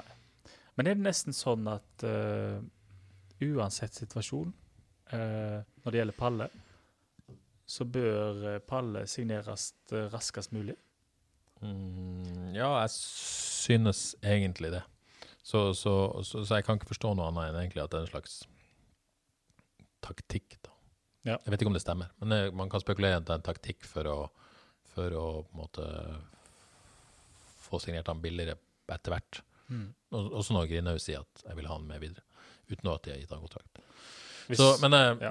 dette vet vi ikke. Nei, men hvis trenerteamet vil ha med videre, og, og vi som supporter elsker jo Palle eh, her, Jeg syns ikke det er så mye å lure på. Jeg, altså, jeg, hva, hva er forskjellen i kontrakter? Er det, hva er det snakk om? Det kan ikke være snakk om mye uansett.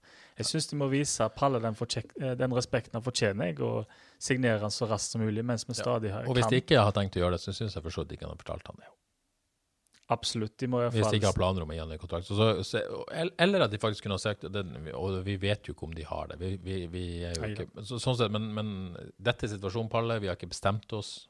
Mm. Altså, Jeg Ja. aner at Jeg aner ha en dialog, i hvert fall. Ja, Det fortjener han. Ja, det, absolutt. Jeg aner at kommunikasjonen her er, er for dårlig, og det, det nytter ikke med noen, eh, egentlig. Men med Palle så må han jo iallfall Altså, det er jo Han skal ha respekt, den jobben han har gjort. Og jeg håper han fortsetter å gjøre den for FK. Eh, Johannes, vi er på vei mot en sjukt lang pod her, tror jeg si igjen. Eh, eh, helt kjapt bare. eh, Nå Mjøndalen, og så venter Sandefjord. Nei, så øh, Jo, når så venter Vålerenga. Og så er det en rekke med Sandefjord, Godset, og så kommer Molde på besøk. Det er ganske spennende nå. Hvis du slår Mjøndalen, og så kommer Vålerenga, bare det, det er gøy. Altså, men så har jo FK en sånn historisk sånn eh, Tenker jeg eh, Ikke trang, men eh, de, når man er i ferd med å liksom mm, Vinner vi denne kampen, så er vi virkelig liksom mot bronse og begynner å være med der. Så taper man. Men det blir gøy å se de neste kampene. Ja, Ser mot Bjørndalen, og så Vålerenga på besøk på stadion. Det hadde vært gøy. Får en sånn kamp. Tør ikke si mer. Nei, jeg tør ikke si mer.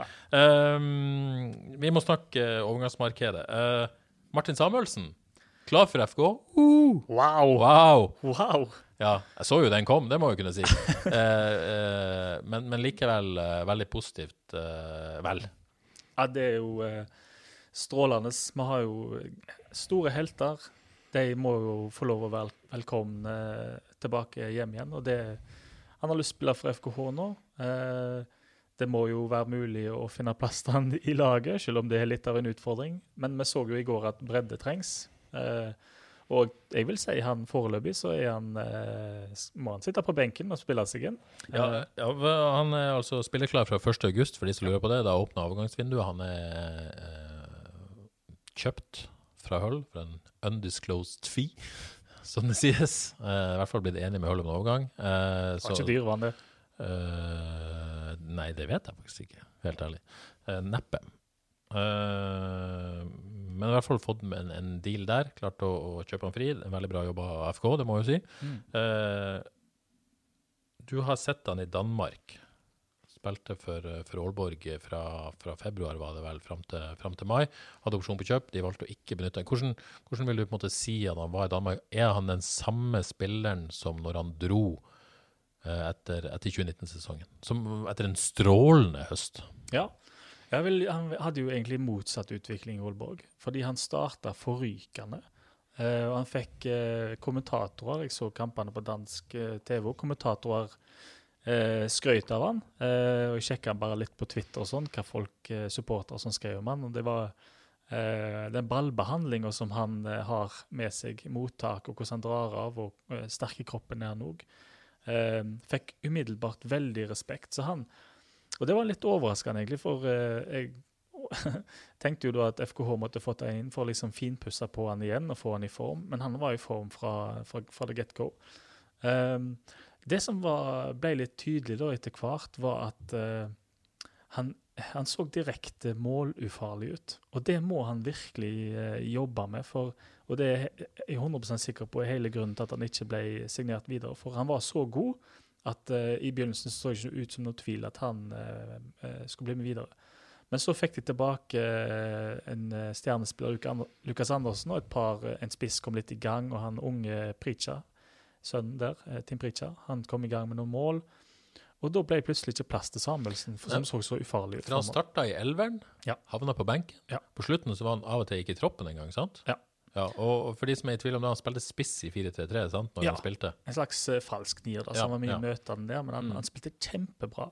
Så på slutten så ble han flytta litt ut på venstrekant og sånt, og det så du umiddelbart at han ikke trivdes så godt Nei. med. Det så vi FK når han var i 2019. Han må spille sentralt. Ja, det syns jeg virkelig. Ja. Og der eh, Det kan jeg få til. Men uh, tenk på AGF. dette, Nå så jeg ikke mye til, til Aalborg, men, men de hadde Sifuentes som trener, uh, kjent fra Sandefjord. Mye litt Tiki Taka-aktig på et vis. I FKH så ble han jo etter hvert en helt annen spiller enn det folk kanskje trodde han skulle være. Eh, bokstrussel, god på hodet, sterk i kroppen. En, nesten en mer sånn en, en litt klassisk nier, bare med veldig gode føtter. Yes. Eh, brukte de han rett I, i, i Aalborg? eh, ja, det syns jeg jo i Ja, starten. så det er ikke han- det som var Nei, nei, nei. Nei. Han, han var kjempefin når han var eh, La oss kalle det falsk nier, som, som høres så flott ut. En møtende spiss, rett og slett. Da var han, han var kjempegod. Eh, Men var han nok i boks? liksom? Fikk han legg? Fikk han eh, på en måte no noe å jobbe med der? Han her, han la igjen, og så kom de litt rundt på kant, og så var han ikke Det han ikke er god nok, det er når han, eh, når han har lagt igjen eller venter på å funnet en kant, eller hva det er, så er han ikke kvikk nok til å komme seg inn i boks. Han har ikke helt målteft, ser det ut som.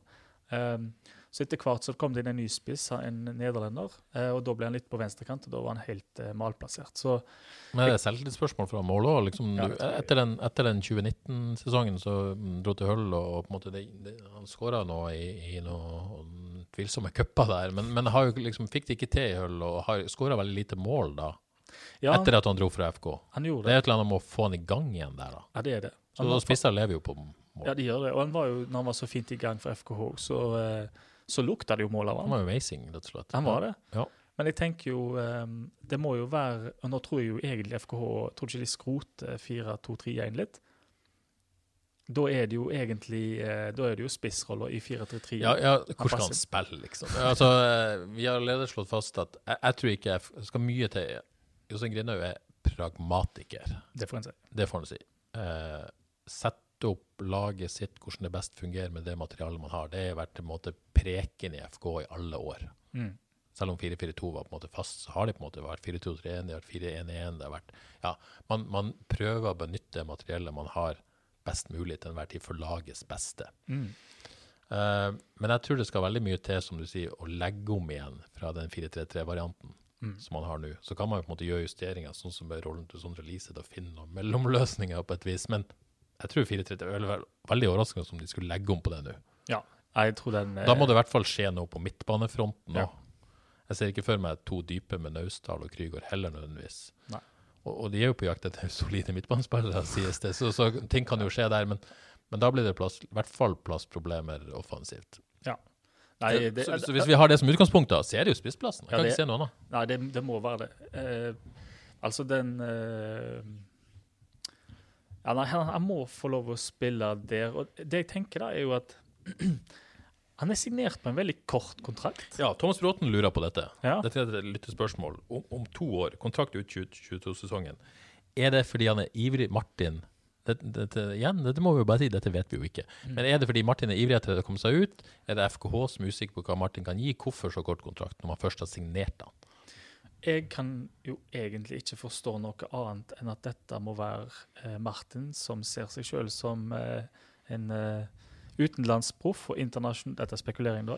Internasjonal spiller. Eh, eh, og jeg frykter jo litt at han eh, Det håper jeg ikke at han er hjemme for å snu, da. sant? Spille seg i form og komme seg ut igjen. Som sist tror du ikke han har lært noe av det, i hvert fall at han ikke drar etter en halv god sesong. Da. At han i hvert fall blir ut kontrakten, og hvis det fungerer helt ut kontrakten, så kan han heller dra. Skal, vi være, skal jeg være litt hard? Jeg lurer på eh, hvordan sjølbildet er. Jeg tror en del av han tenker at det er et lite nederlag eh, å komme tilbake til FK. Det er bare spekulasjon fra min side. Jo, men det, Eh. det, det vil jo være naturlig. Det tenker jeg, det syns, skal han jo på et vis synes, da. Ja. Men, men uten at det er et sånt nederlag at han ikke vil ha. Men at det er jo litt kjipt å komme hjem for andre gang òg, skal sies. Ja. Så jeg syns det er ganske tøft at han gjør det, da. Jo da, og det er det. Han er jo hva er han, 24 nå, da, cirka? Som gjetter på det. Eh, Ja. Sant? Fordi fra FKHs side da, så har de jo eh, Spissen som spiller der fast eh, i dag, er jo Ibrahim Awaji. Og han vil jeg jo tro at de satser på, håper på, og han håper sikkert på det sjøl, at det skal skje et salg på et eller annet tidspunkt. Så da tenker jeg jo sjøl Nå så er det jo ikke en umiddelbar plass til Martin rett inn i laget. Med andre ord så gir det jo ingen mening at FKH skal sette han på en eh, kort kontrakt. Da ville jeg jo tenkt at han liksom skal erstatte Waji på sikt, hvis de skal selge han. Men nå er det jo så kort at det kan ende opp med at eh, Martin forsvinner ut igjen, og de sitter der og kan motta bud på Waji, eller Waji må gratis, og så sitter de igjen uten eh, noen av de. Så jeg, jeg, jeg klarer ikke helt å lese situasjonen sånn at det er FKH som har ville hatt så kort kontrakt. Men det kan være, altså de kan jo være usikre på hva Martin vil gi denne gangen. De brukte tror, et, men tror du det? Nei, jeg, jeg vet ikke. De Nei. brukte et halvt år på, på å få han i gang sist. Mm. Til å finne posisjonen hans. Så når du endelig fin, fant spissrollen til han sist, Ja. og, så var det jo helt strålende. Um, det kan jo hende at de vil vite hva de får før de signerer han på en lengre kontrakt også. Det jeg er ikke dette, igjen, dette har jeg ingen insight om, eh, men, men jeg er åpen for den muligheten for at FK kan også på en måte, ikke nødvendigvis ønske en fireårskontrakt. Ja, ok, men da vil jeg si det på en eller annen måte da syns jeg det er A. Eh, litt feigt, fordi at eh, jeg, jeg tror ikke Hvis det er tilfellet. Ja, hvis det er tilfellet. Jeg, jeg tror egentlig ikke det. Jeg tror de er såpass trygge på eh, Martin Samuelsen som eh, spiss, eller hvor som helst. tenker Kanskje det er det jeg tenker på som spiss i FKH, at de, de har lyst til å ha han her. Så um, uh, ja, jeg, jeg, jeg tror det må være fra hans side at kontrakten er så kort. Ja. Tror jeg. Ellers lurer Thomas Bråten også på hvordan terningkast du gir pizzaen på Vangen terrasse. Ja, det, da kan vi jo avsløre at uh, helgas feiring Og jeg ble jo 40, da må det være lov. Det må være lov. Da var vi på, eh, var, var en tur på Vangenterrassen og fikk testa pizzaen der, og den smaker fortreffelig. Oh, Snakker vi en seks? Ah, det er seks som skal henge høyt. Hvordan, fem. hva hadde du på pizzaen? Hva hvordan pizza hadde du? Pepperoni. Pepperoni? Er, er det liksom din go to-pizza? Jeg fikk høre det, at uh, hvis du skal ha pizza her, gå for pepperoni. Den er ekstra god. Jeg er veldig glad i pepperoni sjøl. Veldig glad i pizza, selvfølgelig. Ja, uh, pizza. Pepperoni. Uh, men det må være god pepperoni. Det er ikke, det er ikke alt pepperoni som er god heller. Oi, er du, du er feinschmecker skal ha den rette pepperoni? Ah, litt, litt. Men nok om det. Uh, vi kan nesten ikke være innom Martin Samuelsen uten å snakke om håret hans. Uh, mange reaksjoner på det. Ble en snakkis. Uh, var vel litt snakkis i Danmark òg. mm, eh, Jeg liker det. Jonas Berg Johnsen, eh, mye name-dropping av Jonas denne gangen, men Ja. han eh, kommenterte det et eller annet sted, om det var på Instagram eller Twitter, om så ut som en Leeds-spiller fra 70-tallet. Uh, type signert. eh, eh, jeg liker det. Gir det tommel opp. Eh, tommel opp eller tommel ned? Skal vi gjøre det så enkelt? Ja, eh, Tommel opp. Jeg har, sitter jo her med nesten samme hår sjøl, så eh, Usikker.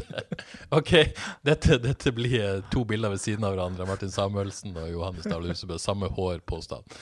Ja eller nei? Dette skal på Instagram. Det to bohemer. Ja. ja. Syns jeg, da. Ja da, det syns du. To stjerner. Eh, men vi gir to tommel opp, i hvert fall, til, Ja. til Svarte. Strålende. Eh, så, da. Det er det mange som lurer på. Alexander Søderlund. Um, Tommy Kismu lurer på dette. Torgeir Katla spør om eh, Sa Søder og Samuelsen er too much. Uh, han mener det, men hører gjerne debatten. Nils Morten Dahl.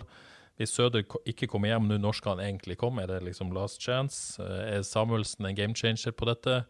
Eh, forventes det salg av Wadji, siden det i hele tatt vurderes? Erik Nymark Espros på Twitter er også engasjert i dette. Spør om det egentlig er too much. Velde kan forsvinne. Vadjo Lise det best som indreløper, pluss den entusiasmeeffekten Søder kan, kan gi. Ehm, så må jeg si med en gang før vi begynner å diskutere det, vi kan jo på en måte mistenkes, vi har jo hatt Søder som, som gjest her et par ganger, eh, en, en god venn av Frelste, og kan jo på en måte mistenkes for å ha være subjektiv i denne debatten. Men hvor, hvor står du Men jeg tror egentlig jeg skal klare å vurdere dette ganske objektivt. Hvor står du i Søder-debatten for å på en måte sånn, illus, sånn helt sånn Vil du ha det, eller vil du ikke ha det? Jeg vil nesten si jeg står enda um, sterkere på ei side i Søder-debatten enn på han som eh, nettopp har signert, Martin Samuelsen. For meg er det ingenting å lure på med Alexander Søderlund. Uh, det er objektivt, fordi um, jeg så uh, Jeg fikk sett han litt før han uh, litt plaga med, med hamstring der. Og det Ja, du har sett han i Tyrkia? Ja. Ja. det er ikke så mange som har. Nei, Nei. Men da, hvis en har 5500 kanaler, så Ja, ja, ja. Nei, han, eh, han så helt strålende ut. Det er litt sånn som den vi kjenner.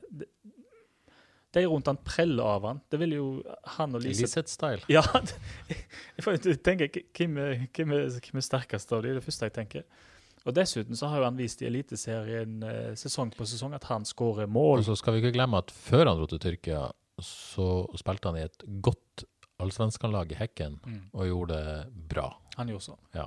Så jeg tror ikke En må ikke lure på nivået til Søder i det hele tatt. Hvis han kommer hjem og For det første, mannen gir ja, for det er litt historieløst, det. Eller, eller Ja, det- sånn, det- 33 år, ser litt på skade. Lett å på en måte Ja. fade av at han er det, det er vel kanskje lov å si at han er over toppen, da. Men at han fortsatt har på en måte kvaliteter, det er du ikke i tvil om. Jeg vet ikke det engang. Jeg vil si det er, det, det er historieløst, det er nesten hjelpeløst å si at han ikke har nivåene. For det, det er jeg overhodet ikke i tvil om. Det eneste bekymringen er jo at om, eh, om hamstringen er bra, hvordan den er nå for tida. Men hvis han er i shipshape og klar, så, så, så skårer han bare forsterker jo det laget kraftig. Og har aldri vært en spiller som på en måte først og fremst er god fordi han er rask, liksom. Eller, Nei. ja, altså Han er på en måte styrke, det er klokskap, det er Mm. plasseringsevne, det er alle de tingene der som gjør at han spiller forståelse. Absolutt. Han, eh, han blir litt, eh, det et sånn litt undervurdert spiller, da, vil jeg si, fordi at eh, eh, den, eh, den der uh, feinschmecker-teknikken, den eh, har han ikke. Aldri hatt. Men han har en veldig effektiv teknikk, eh, og en veldig måte, effektiv måte å spille på.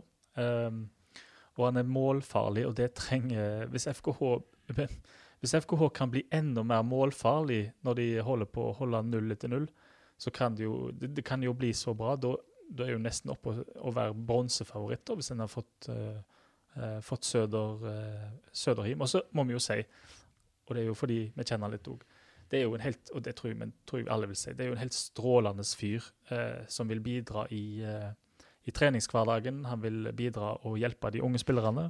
Ja, men også for en, for en, en måte læring overfor Sondre Liseth, for eksempel, da. Mm, eh, Andreas Endresen. Ja. Herregud. Ja. Ja, altså, det, det er jo noe der òg. Det er det. Og jeg kan lett se for seg den der eh, Andreas Endresen Søder-greia. at eh, for å få maks ut av Andreas Endresen, så må han bli enda, vil jeg tro, råere mentalt. Eh, og her, altså Søder har massevis av erfaring med den karrieren han har. Det er på opp og ned. Football Manager spiller altfor lite. Du kan sette sånn mentoring uh, him, and him, he is mentoring him. Uh, helt klart, eh, der, er- der er på knaggen med en gang. Der, er- der, der tror jeg han er ti av ti. Men altså, min, min mening er jo på en måte eh, jeg syns det er en skandale om FK ikke benytter denne muligheten til å prøve. Nå er han gratis. Ja. Han er tydelig på, at, eh, tydelig på at han har lyst til å spille for FKH. Mm. Eh, så, så det vil være eh, ja, tjenesteforsømmelse, syns jeg, å ikke prøve. Det det. Min forståelse er også at de har prøvd eller prøver. Det er jeg litt usikker på. Mm. Så, så på en måte Kan du utdype? Nei, altså, jeg tror det har vært Eller, det har jeg jo skrevet.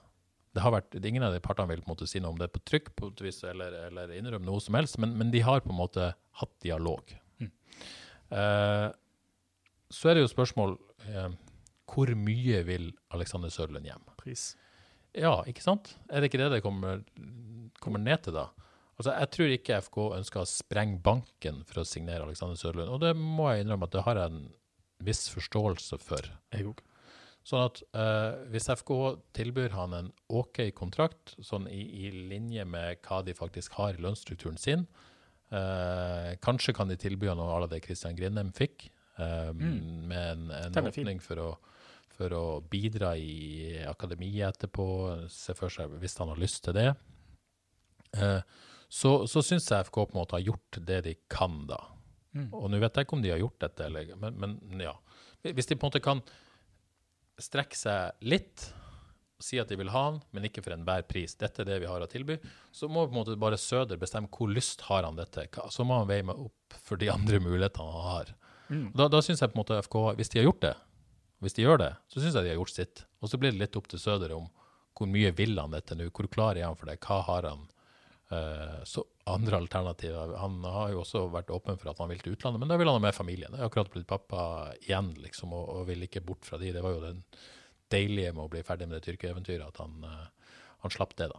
Mm. Så, så Ja, jeg, er, jeg er enig i den. Hvis det viktigste for, med FKH-briller og for FKH må jo være at de gjør sitt. Og så er det jo sånn at hvis Søder tenker at han kan eh, få noen ekstra kroner ut av et nytt utenlandseventyr, så OK, fint nok. Men eh, som du sier, hvis Og hva kan det være snakk om, om egentlig kontraktmessig, om man er litt der eller litt der? Er det der det skal strande? jeg blir overraska om Søder forventer at han får to millioner på bordet i FK hvis han kommer hjem, liksom. Det, det, ja. Har ikke han sett nok? Ja, det blir jo opp til han, da. Det, det, jeg syns det er vanskelig å på en måte Ja. ha noen moralsk pekefinger og si at nå har du kjent nok, Alexander Søderlund, nå må du komme hjem og, og ta det whatever FK har å tilby. Ja. Det vil jeg ikke si, men, men jeg, men jeg syns på en måte eh, Jeg synes det er OK uansett. Altså, hvis, det, hvis det er sånn at FK har tilbudt han en kontrakt Mm. som er helt grei, og, og, og, og sånn type Christian Grindheim når han kommer hjem, Mm. så syns jeg på en måte FK har gjort sist. Og hvis, hvis Søder bestemmer seg for at det er ikke nok, jeg har, eh, har lyst til å være et år ute, jeg kan tjene fem millioner, whatever, ute, så syns jeg det er greit nok òg, på et vis. Det er Ja. fint nok. Sånn at um, Men at FK skal komme med et, eh, et, et bra tilbud, et fair tilbud til en som er Det syns jeg òg. Ja. sant. Et fair tilbud, ja. Og hvis de gjør det, og han takker nei, så må en jo bare kunne se hverandre i øynene og se at OK, da møtes en ved neste korsvei uten at Det, det må iallfall ikke bli noe eh, ondt blod Nei, her, for vi har må ha de lokale Søder hele tida sagt at han vil avslutte i FK, og nå har han sjansen til å vise det på et vis. Men samtidig så skjønner jeg hvis han på en måte har noe annet på lur som Ja. kan gi han et år ute, som kan være tidobla lønn, whatever, hva vet vel jeg. Eh, sånn at har jo forståelse for det, og hvem har ikke det? Skal vi gjette på at drømmen hans er vel å ta dette store valget om et år? Hadde vært. Ja, så er jo spørsmålet, den diskusjonen vi har nå om, om enkelte som mener at han kanskje ikke er god nok, den vil jo være enda sterkere om et år. Ja. Så, sånn at eh, det, det, det er ikke sikkert det stemmer, men det føles litt sånn nå eller aldri mulighet ut. Ja.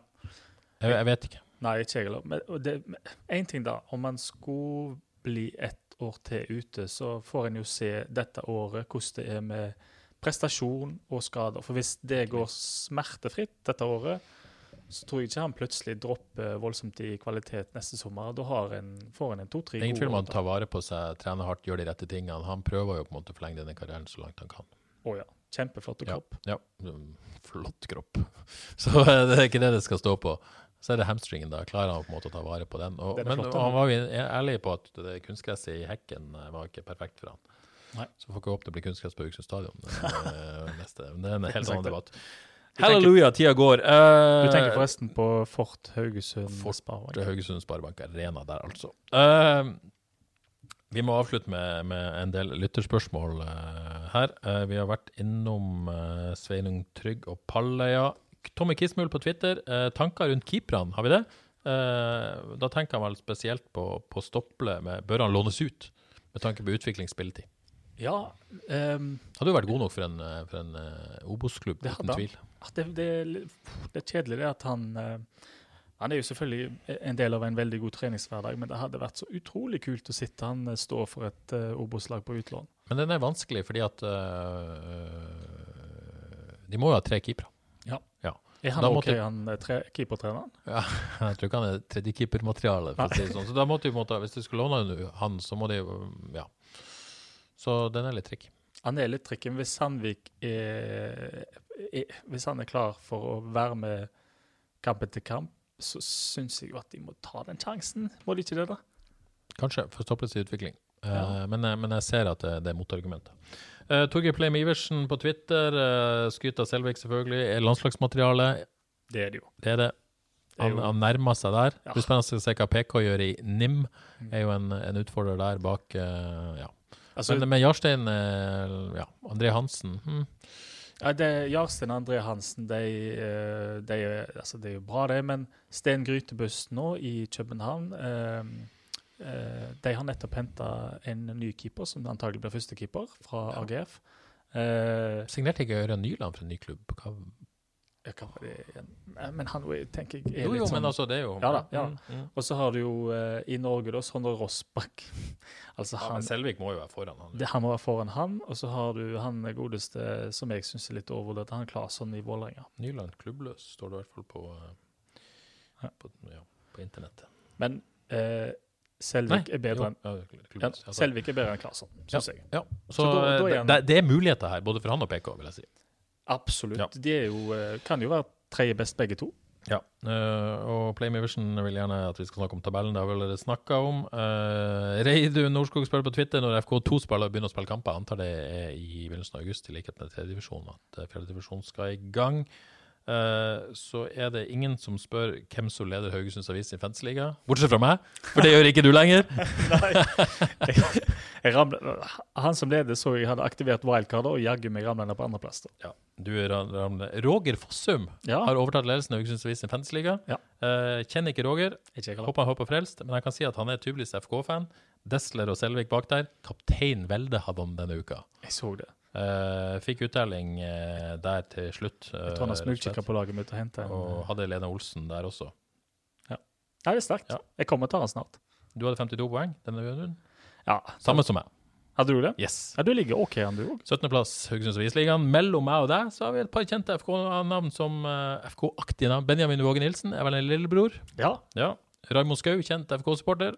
Ligger mellom der. Så det er spenning i Haugesunds Avisligaen. Hvis noen har lyst på koden, så må de bare gi beskjed. Per Morten Kristiansen han er oppe og snuser i FKH-ligaen. Litt skandale at han ikke er med i Haugesunds Ja, hvorfor ikke han med der? Per Morten, hvis du mot formodning skulle høre på Frelst, det vet du er glad i oss, vi er glad i deg, uh, gi beskjed, skal du få koden. Yes. Uh, litt flere lyttespørsmål. Uh, var vel innom eh, Var vel innom eh, Kan det være Håvard Knutsen, tror jeg, ja. Om, om Desler har som ekstrajobb å passe på Velde etter kamp. Eh, var borte hos han eh, i går igjen. Uh, Passa på at ja, Kom igjen, Velde, dette går bra. Ja. Klappe han på ryggen og si at eh, ja, dette var bra, det går fint. Virka det som. Altså, eh, Veldig tydeligvis misfornøyd, og med, med seg sjøl sannsynligvis, og at han ikke har fått mål, eller Mm. var litt sånn rolig på feiringa der foran fansen Velde òg i går. Eh, er dette ekstrajobben til Desler? Hvem skal overta når han drar? Jeg ble jo sødere. Jeg blir sødere. Men jeg tenker jo umiddelbart at det er en veldig fin, virker som en veldig fin miks. Jeg tror Desler lytter inn til. En stille mann som gjør eh, sitt aller, aller, aller beste, og det gjør han godt hver Og så har vi fått et ikke-FK-spørsmål som rett og slett uh, vi må svare på, men det er fotball likevel. Karl Arvid Sørdal uh, vet ikke hvor mye du følger med på det, men han lurer på om det er på tide med trenerbytte i Avaldsnes. Oi, oi, oi. Nei, Her må jeg, jeg Vil du ta den, Terje? Jeg kan ta den. Eh, Jeg tror ikke det er på tide. Nei. Jeg syns det vil være veldig drøyt å, å gjøre noe med på trenersida der, men at Avaldsnes sliter mer enn forventa. Fikk eh, de verste lagene i begynnelsen, og det var greit, men etter det sa dette tapet mot Lyn først, og så eh, knuste Arna-Bjørnar i helga. Det er skummelt. Og Men han må jo få sjansen. Han Utvik er jo litt uh, Abramovic-aktig, så uh, uh, jeg vil ikke vært altfor trygg på at ikke noe kan skje hvis ikke fortsetter. Jeg tror ikke de vil sitte og se at de rykker ned. Nei. Og de har jo faktisk ikke De har, kun, de har ikke et bunnlag på det, i den elven med Karina Sævik, Ole Tveten og alle de som er der nå. Nei. Jeg tenker, jeg skjønner at de sliter, det, det har vært en vanskelig oppkjøring, men, Ja. men så dårlig skal det ikke være. Det eneste jeg tenker om den stasjonen, er at når en får en så hard start, så må en iallfall få litt Og det går jo utover sjøltillit, så må en iallfall få noen kamper til å komme inn i det. Ja. Men hvis det ikke snur, det går jo ikke da. Nei, det går ikke da. Eh, men for tidlig å snakke om trenerbytte, syns jeg. Ja. Eh, selv om vi akkurat har snakka om det. så lover vi i begynnelsen, nå nærmer vi oss faktisk slutten her. Hæ? ja, det er sjokkerende. Eh, mulighet for å vinne en ny kopp. Og jeg skal eh, gi denne muligheten til Fordi at dere har vært så sjukt flinke å sende lytterspørsmål denne gangen. Så neste gang, hvis dere er like flinke neste gang, så skal alle, ikke hvis dere, uansett, alle som sender lyttespørsmål neste gang, skal få være med i trekninga om en kopp. Rett og slett. Den er fin. Jeg liker dette at denne frelskoppen har blitt beinhard valuta. Lurer på hva han går på for på svartebørsen. Dyr. Finner vi den på Finn? Jeg skal se. Vi må, vi må lete på Finn. Det hadde vært veldig gøy. Uh, ja. Jeg kan bestikkes. Jeg har de. Nei, nei jeg er ubestikkelig. Er du det? Ja, absolutt. Jeg har hørt andre ting. Eh, Du hørte oh. Dette er bare fjas til alle lyttere der ute. Ikke sant, Johannes? Greit, det er fjas. Ja, det er fjas. OK. Siste spørsmål. Hvem vinner EM? England. England? Ja. Nei. Jo. Sjokkerende. Ja. Altså, jeg, er jo såpass England-supporter at jeg nekter å tro det. Nei, Nå, jeg, jeg, jeg, jeg går inn med Danmark er jo kjekt, men jeg sier England. Hvem, hvem sier du? Uh, siden jeg er Italiamann. Altså, hør her. Jeg har jo heia på England i internasjonale mesterskap siden, eh, siden eh, 1986. Jeg hadde jo et anstrengt forhold til Maradona i mange, mange år etter Guds hånd i 1986. Der har du meg. Eh, alltid heia på England, uansett hvor ræva de har vært. Så sånn, det ligger fast. Eh, liker Danmark veldig godt, er nødt til å heie på England. Kan, liksom. Så har jeg et veldig nært og godt forhold til Italia òg. Jeg har jo fortalt tidligere hvorfor, har jeg huska. Uh, har jo fulgt i alle mesterskap, heier på Italia uansett hvor ræva de òg har vært. Uh, hvis Jeg tror jo faktisk uh, det blir England og Italia i finalen. Mm. Og da har jeg jo et lite problem, men ikke noe større problem at det må bli England. Må det det? Ja, det må det.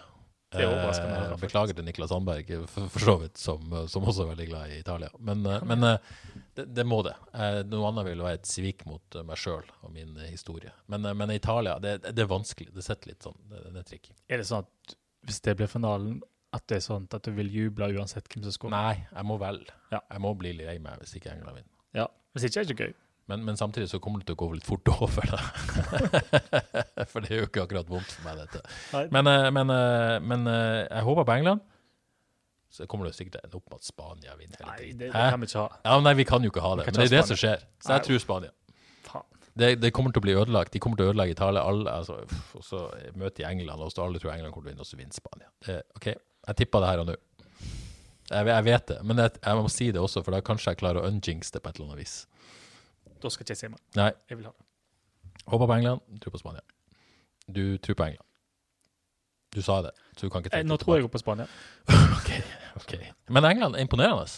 Uh, litt sånn, uh, Skal ikke sammenligne med FK på noe som helst vis, men litt av liksom, den kontrollen og den soliditeten og den trua på det de holder på med, at de liksom uh, har, eh, ja, går for noe og er gode i det.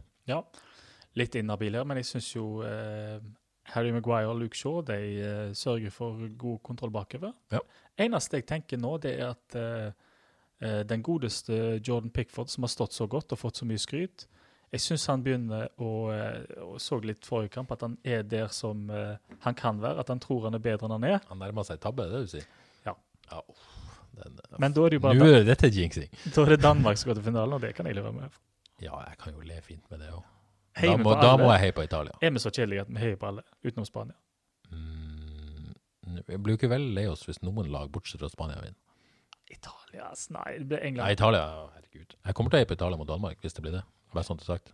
Det gjør Til tross for uh, Christian Eriksen, uh, elsker Christian Eriksen, uh, er i ferd med å bli litt forelska i Per Emil Høibjerg. òg. sånn at dette, dette sitter langt inne, det òg. Men uh, det må bli Italia mot Danmark, og det blir England mot Danmark. Sorry, alle som elsker Danmark. Terje har talt. OK. Eh, da er vi i mål for uh, jeg tror det er en ny rekord i Frelst-historien. 1 time og snart 24 minutter. Uh, da må vi slutte å fjase. Det var det vi hadde. Tusen takk, Johannes. Det har vært en eh, ære å fjase med deg. Selv takk. Så tror jeg det har vært litt seriøst innimellom. Jeg tror vi har sagt mye klokt. Håper det. Sikkert mye dumt. Ja. Eh, veldig mye spennende som skjer. Gøy å følge FK om dagen. Spennende med overgangsvinduet som åpna i det hele tatt. Det er happy days. Det er det. Både for de på banen, supportere og journalister. Så eh, kryss fingrene for eh, nye Vålerenga Nei, Vålerenga-poeng. FK-poeng mot Mjøndalen på lørdag. Og så eh, er vi tilbake om ei uke, forhåpentligvis eh, med mye godt å diskutere. Ha det bra.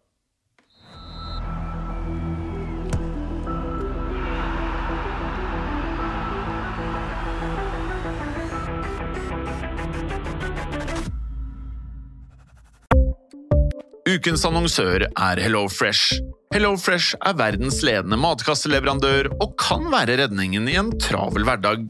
Mange av oss har nok vandret i butikken både sultne og uten en plan for middagen, som ender med at vi går for de samme kjedelige rettene gang på gang.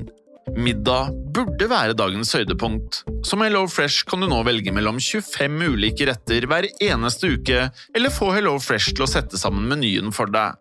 Dette gir deg muligheten til å prøve nye og spennende retter alene eller sammen med familien. Du velger antall porsjoner og får alt levert på døren på et tidspunkt som passer for deg. Oppskriftene er enkle, og maten er lett å lage både for store og for små. Ved å få alt levert hjem får du også mer tid til å dele matgleden med familie og venner. Kanskje det frister med asiatiske tacos eller greskinspirert kylling? Da kan jeg anbefale deg om å gå inn på hellofresh.no. Her kan du bruke koden FOTBALL og få opptil 1779 kroner i rabatt på de første fem matkastene hvis du ikke har prøvd HelloFresh tidligere. Du kan også bruke rabatten hvis du har vært kunde og stoppet abonnementet ditt for tolv måneder siden eller lengre. Gå inn på hellofresh.no og bruk koden FOTBALL.